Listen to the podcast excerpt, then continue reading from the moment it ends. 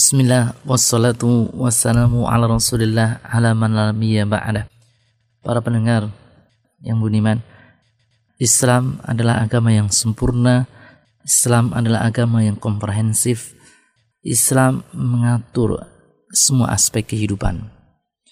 Bahkan Islam pun mengatur bagaimana cara beretika Bagaimana cara beradab terhadap tetangga.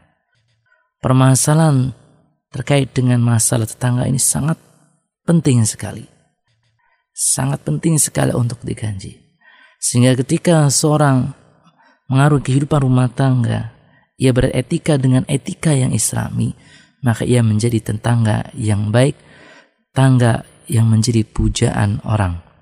Para pendengar yang budiman, pada kesempatan yang lalu kita telah membahas tentang etika keluarga muslim terhadap tetangga, kita telah membahas empat etika. Pada kesempatan kali ini kita akan membahas kelanjutannya. Etika yang kelima atau adab yang kelima adalah mendahulukan tetangga yang yang dekat. Para pendengar yang budiman. Jadi ketika dalam bertangga ada tetangga yang jauh, ada tetangga yang dekat, maka ketika satu waktu ternyata berbenturan Mana yang kita dahulukan? Maka yang dahulukan adalah tetangga dekat. Yang dimaksud tetangga dekat di sini yang pertama adalah tangga yang masih hubungannya dengan kerabat kita. Masih kerabat kita. Keponakan kita misalkan, paman kita misalkan, bibi kita misalkan, sepupu kita misalkan, adik kita misalkan, atau kakak kita misalkan.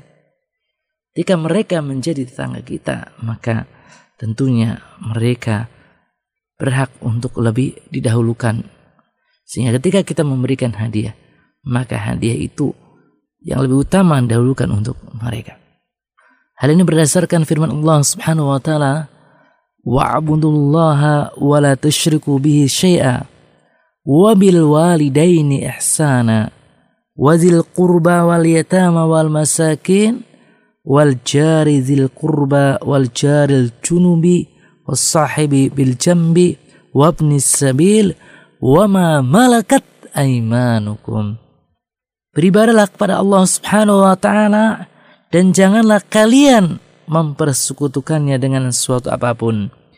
Dan berbuat baiklah kepada orang tua, karib keramat, anak yatim, orang-orang miskin, tangga yang dekat dan tetangga yang jauh, teman sejawat, Ibnu Sabil dan hamba saya kalian. Quran surat An-Nisa ayat 36. Syekh Abdurrahman bin Nasir As-Sa'di rahimahullah menjelaskan bahwa yang dimaksud tetangga dekat adalah tangga yang masih memiliki hubungan nasab, tangga yang masih memiliki hubungan kekeluargaan. Sedangkan tetangga jauh adalah tetangga yang tidak memiliki hubungan nasab. Maka tetangga dekat memiliki dua hak, hak sebagai keluarga dan hak sebagai tetangga. Sementara tetangga jauh hanya memiliki satu hak, yaitu hak sebagai tetangga. Para pendengar yang budiman, dengan demikian ketika kita memiliki makanan, makanan tersebut ternyata jumlahnya terbatas kita memiliki sate gulai kambing ya yang sangat enak sekali gitu. Plus nasinya nasi kebuli gitu ya. Kalau tetangga-tetangga kita dibagikan secara keseluruhan tidak mungkin tidak cukup. Maka ketika ada tetangga kita yang masih kerabat itulah yang lebih diutamakan itulah yang lebih didahulukan. Para pendengar yang budiman termasuk tetangga yang paling dekat adalah tangga yang rumahnya yang paling dekat dengan kita. Ini pun memiliki hak lebih besar daripada tangga yang jauh letak rumahnya. Hal ini berdasarkan hadis bahwa Aisyah radhiallahu anha pernah datang kepada Nabi Muhammad sallallahu alaihi wasallam. Pernah bertanya kepada Nabi Muhammad sallallahu alaihi wasallam. Kata Aisyah, saya pernah berkata kepada Rasulullah SAW. Saya pernah bertanya kepada Rasulullah SAW. Ya Rasulullah, innali jarain fa ila ayyihima uhdi. Wahai Rasulullah saya memiliki dua tetangga. Saya mempunyai dua tetangga. Kepada siapa saya memberikan hadiah? Beliau sallallahu alaihi wasallam menjawab ila aqrabihima minka baman berilah hadiah ke tetangga yang rumahnya paling dekat denganmu hadis riwayat Bukhari Sekali lagi, ketika kita memiliki tetangga, ternyata tangga tersebut bukan kerabat kita. Tangga bukan kerabat, bukan isi nasab. Tangga sama-sama orang-orang perantauan, misalkan. Jadi di lingkungan kita misalkan ada 10 kakak atau 20 kakak, sama-sama orang perantauan semuanya. Dari Jawa, ada yang dari Sumatera, ada yang dari Padang, ada yang dari Maluku, ada dari Sunda, dari Tasik, dari Garut, dan yang lain. Ternyata kita ketika itu membuat makanan. Makanan spesial gitu kan. Makanan spesial berupa daging. Tidak cukup kalau misalkan memberikan kepada 10 kakak atau 20 kakak. Ya hanya cukup diberikan kepada lima kakak misalkan. Maka kita berikan kepada lima kakak yang paling terdekat dengan kita pintunya. Para pendengar yang budiman, adab yang keenam adalah hendaklah seorang muslim, hendaklah keluarga muslim bersabar jika mendapati perlakuan tidak baik dari tetangga. Dan hendaknya memaafkan mereka. Jangan mengedepankan emosi. Jangan mengedepankan hawa nafsu. Jangan. Ya, jangan. Gitu. Sehingga ketika misalkan terjadi persengketaan antara anak kita dengan anak tetangga, maka hendaknya kita menjadi seorang yang bijak. Hendaknya kita menjadi penengah yang bijak. Dan sampai ketika kita melihat tetangga anak kita berkelahi dengan tetangga kita, kita ikut-ikutan. Kita ikut-ikutan untuk memukul anak tetangga. Ini tidak dibenarkan dalam hukum Islam. Para pendengar yang budiman, hendaknya kita bersabar dengan gangguan tetangga. Rasulullah Sallallahu Alaihi Wasallam bersabda, ada tiga kelompok manusia yang dicintai Allah. Sebutkan di antaranya seorang yang mempunyai tetangga, ia selalu disakiti, ia selalu diganggu oleh tetangganya, namun ia sabar atas gangguannya hingga keduanya dipisah oleh kematian.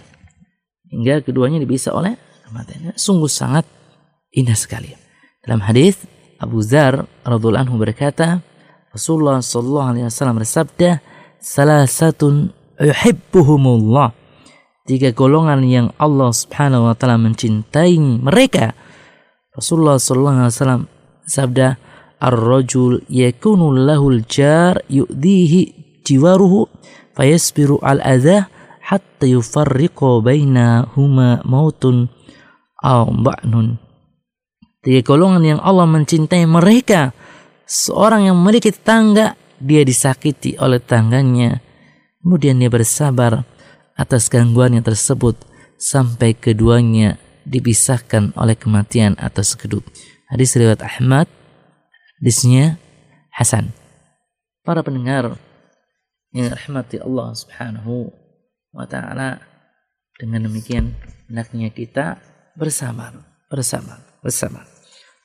Ada sebuah hadis yang hadis ini bisa dijadikan sebuah renungan oleh kita. Dari Abu Hurairah radhiyallahu anhu beliau berkata, "Ja'a rajulun ila Nabi sallallahu alaihi wasallam yashku jarahu." Seorang laki-laki datang kepada Nabi Muhammad sallallahu alaihi wasallam. Dia mengadu tentang tetangganya. Kemudian Nabi Muhammad SAW berkata, Isbir, bersabarlah. Qala lahu fir rabi'ah aw. Laki-laki itu datang yang kali ketiga atau kali yang keempat. Mengadukan kepada Nabi Muhammad SAW. Maka Rasulullah SAW memerintahkan kepada laki-laki tersebut. Audrah mata'ak fit tariq lemparkan barang-barangmu di jalan fafa'ala maka dia pun melaksanakannya qala fajalan nas yamurruna bi wa yaqulun malak Abu Hurairah berkata maka mulai orang-orang melewati dia dan juga mengerumuninya lantas mereka bertanya kepada laki-laki tersebut malak ada apa denganmu fayaqul adzahu jaruhu faja'alahu yaqulun la'anahullah. Kemudian ia menjawab bahwa dia disakiti oleh tetangganya. Maka mereka pun berkata, semoga Allah Subhanahu wa taala melaknatnya. Faja'ahu jaruhu. Kemudian datanglah tetangganya kepadanya faqala lahu rudda mata'ak la wallahi la udzika abadan Tangganya datang kepadanya, kemudian tangganya berkata kepadanya, kembalikan barang-barangmu demi Allah. Aku tidak akan menyakitimu lagi untuk selamanya. Hadis riwayat Abu Dawud. Itu pula diriwayatkan oleh Bukhari dalam kitab Adabul Mufrad serta diriwayatkan oleh Imam Hakim dengan sanad yang hasan. Kalau kita perhatikan dari hadis Rasulullah SAW tadi, maka di sini ketika ada seorang sahabat minta nasihat kepada Rasulullah SAW, minta wajangan kepada Rasulullah SAW agar mencari solusi. Bagaimana pandangan Rasulullah SAW jika sahabat tersebut tersakiti, terganggu oleh tetangganya. Maka Rasulullah SAW mengatakan kepadanya, bersabar, bersabar. Sampai laporan tiga atau empat kali. Setelah seperti itu, Rasulullah SAW membuat strategi yang sangat bagus sekali. Strategi yang sangat menarik sekali. Dan tetap sahabat tersebut agar tidak membalas. Membalas gangguan tetangga itu. Strateginya adalah dengan mengeluarkan barang-barang yang ada di rumah, depan rumahnya. Dengan demikian nanti orang-orang akan bertanya kepadanya, kenapa kamu mengeluarkan barang-barang di rumah? Sehingga kan menimbulkan simpati. Sehingga orang itu bisa menjawab, oh gara-gara tetangga saya. Tetangga saya menyakiti saya. Sehingga orang-orang akan tahu. Tetangga yang menyakiti pun nanti akan merasa gitu. Akan merasa, oh kenapa nih si Fulan. Tetangga saya mengeluarkan barang-barang dia dari rumah. Ada apa dengan dia? Apakah karena saya? Apakah karena saya menyakiti dia? Apakah karena saya mengganggu dia? Nah, nah ternyata tetangganya sadar. Sadar, akhirnya tetangganya minta maaf, tangannya bersumpah untuk tidak akan mengganggu dia. Ini suatu strategi yang sangat bagus sekali, satu strategi yang sangat baik-baik sekali. Adab yang ketujuh, adab yang ketujuh adalah janganlah mengganggu dan menyakiti tetangga. Wahai saudara, keluarga muslim, janganlah engkau menyakiti, janganlah engkau mengganggu tetanggamu. Hendaknya engkau peka terhadap sikap yang engkau perlihatkan dan suara yang engkau perdengarkan kepada tanggamu. Janganlah bangunanmu membuat mereka terhalang dari sinar matahari atau udara. Janganlah sampai bangunanmu melampaui batas tanahnya sehingga bisa merusak atau mengubah hak miliknya karena hal tersebut akan menyakiti hatinya. Kadang hal ini kurang dipedulikan kita membangun bangunan menjulang tinggi, kita belum izin kepada tetangga, sehingga rumah tetangga itu terhalangi dari sinar matahari. Rumah tetangga itu terganggu. Ya, atau bahkan rumah tetangga itu tersakiti, terganggu oleh kita dengan air. Air hujan, ya, rumah kita tinggi, air hujan tersebut ya mengalir ke rumah tangga kita atau ke tanah tangga kita sehingga rumah tangga kita banjir. Begitu pula terkadang kita kita kurang memperhatikan ketika kita membangun bangunan sampai mohon maaf ada di antara kita ternyata sadar atau tidak sadar ketika kita membangun bangunan ternyata menyerobot tanah tetangga. Itu termasuk perbuatan yang dosa besar. Para pendengar yang budiman, Jangan pula engkau mengganggu tetanggamu dengan mengotori halaman mereka atau menutup akses jalan bagi mereka. Mengotori. Dan memiliki misalkan pohonan, pohon rambutan, pohon manggis dan juga yang lain-lain sehingga apa namanya daun-daun yang gugur dari pohonan tersebut mengotori halaman tetangga. Hendaknya kita respect. Ya, ketika kita memiliki pohonan besar seperti itu, ternyata dedaunan tersebut jatuh di halaman tetangga, jatuh di pelataran tetangga, hendaknya kita sigap membersihkan daun-daun tersebut. Dan juga kita sigap ketika panen para tetangga dikasih. Jangan tetangga dikasih kotoran, tetangga kasih sampahnya saja, dikasih daunan saja, tapi ketika panen tidak dikasih. Para pendengar yang budiman, termasuk juga dalam hal ini, janganlah engkau membuat kegaduan yang mengganggu mereka. Janganlah engkau mengeraskan suara radio. Janganlah engkau mengeraskan suara televisi Janganlah engkau mengganggu kegiatan mereka. Dengan engkau mengeraskan suara radio yang kencang, boleh jadi ada tanggamu yang sakit. Jika engkau mengeraskan televisi engkau dengan suara yang tinggi, boleh jadi ada tetanggamu yang belum bisa tidur, terganggu dengan suara televisimu, terganggu dengan suara radiomu. Meskipun yang diperdengarkan adalah bacaan Al-Quran. Brutal misalnya kan rotal kenceng-kenceng gitu kan ah, tangga terganggu. Gitu terang waduh. Ini nggak tahu nih gitu. Saya lagi sakit. Kepala pusing tujuh keliling. Nyetel Al-Quran kencang-kencang. Saya mau negur segan karena yang nyetel Al-Quran. Hmm. saya diamkan saja ternyata nggak enak tidur nggak enak istirahat. Karena kepala pusing tujuh keliling. Jadi, yang seperti ini hendaknya kita peka. Kenapa demikian? Karena Rasulullah Sallallahu Alaihi Wasallam bersabda, "Wallah la yu'minu, wallah la yu'minu, wallah la yu'minu." Demi Allah tidak beriman, demi Allah tidak beriman, demi Allah tidak beriman. Kila waman ya Rasulullah. Nabi ditanya, siapa wahai Rasulullah? Beliau menjawab, Alladhi layakmanu jaruhu bawa'iqahu. Itu orang yang tetangganya tidak merasa tentram karena perbuatannya. Hadis riwayat Bukhari dan Muslim. Adab yang kedelapan, janganlah berperilaku jahat kepada tetangga. Para pendengar yang mudiman, janganlah kita berperilaku jahat kepada tetangga. Kenapa demikian? Perbuatan buruk kepada tetangga mendapat ganjaran dosa berlipat ganda. Hal ini berdasarkan hadis bahwa Abi Zabiyah Al-Kala'i dia berkata, aku mendengar Al-Miqdad bin Al-Aswad berbicara, Ana Nabiya sallallahu alaihi wasallam sa'alahum aniz zina bahwasanya Nabi Muhammad sallallahu alaihi wasallam bertanya kepada mereka, bertanya kepada para sahabat tentang zina.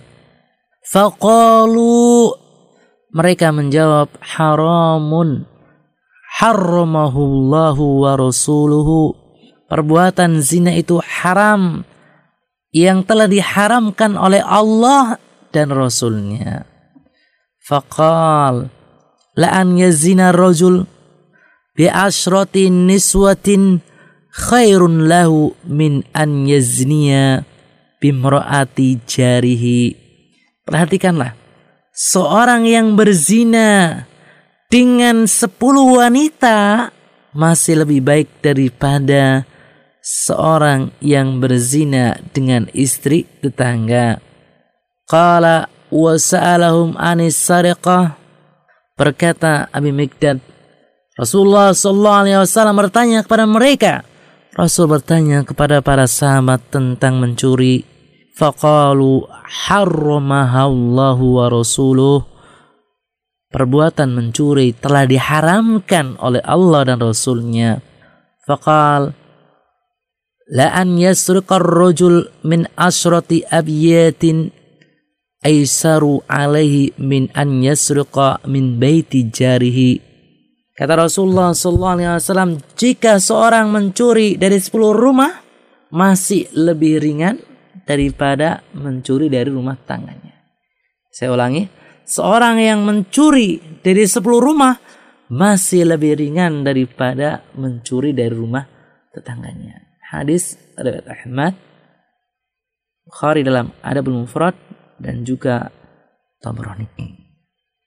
Namun hadis di sini agar tidak disalahfahami bahwa bukanlah perzinahan dan mencuri kepada selain tetangga itu tidak berdosa, bukan seperti itu. Bahkan berdosa. Namun perbuatan ini semakin keras ancamannya ketika dilakukan terhadap tetangga. Di perbuatan zina, perbuatan mencuri, semakin dahsyat ancamannya, semakin besar dosanya. Dosanya berlipat ganda apabila dilakukan kepada tetangga. Sehingga Rasulullah SAW mengabarkan mencuri 10 rumah itu lebih ringan daripada mencuri tangganya. Berzina kepada 10 wanita lebih ringan dibandingkan berzina pada tangganya. Berzina kepada istri tetangga. Para pendengar yang budiman, demikianlah apa yang kami sampaikan.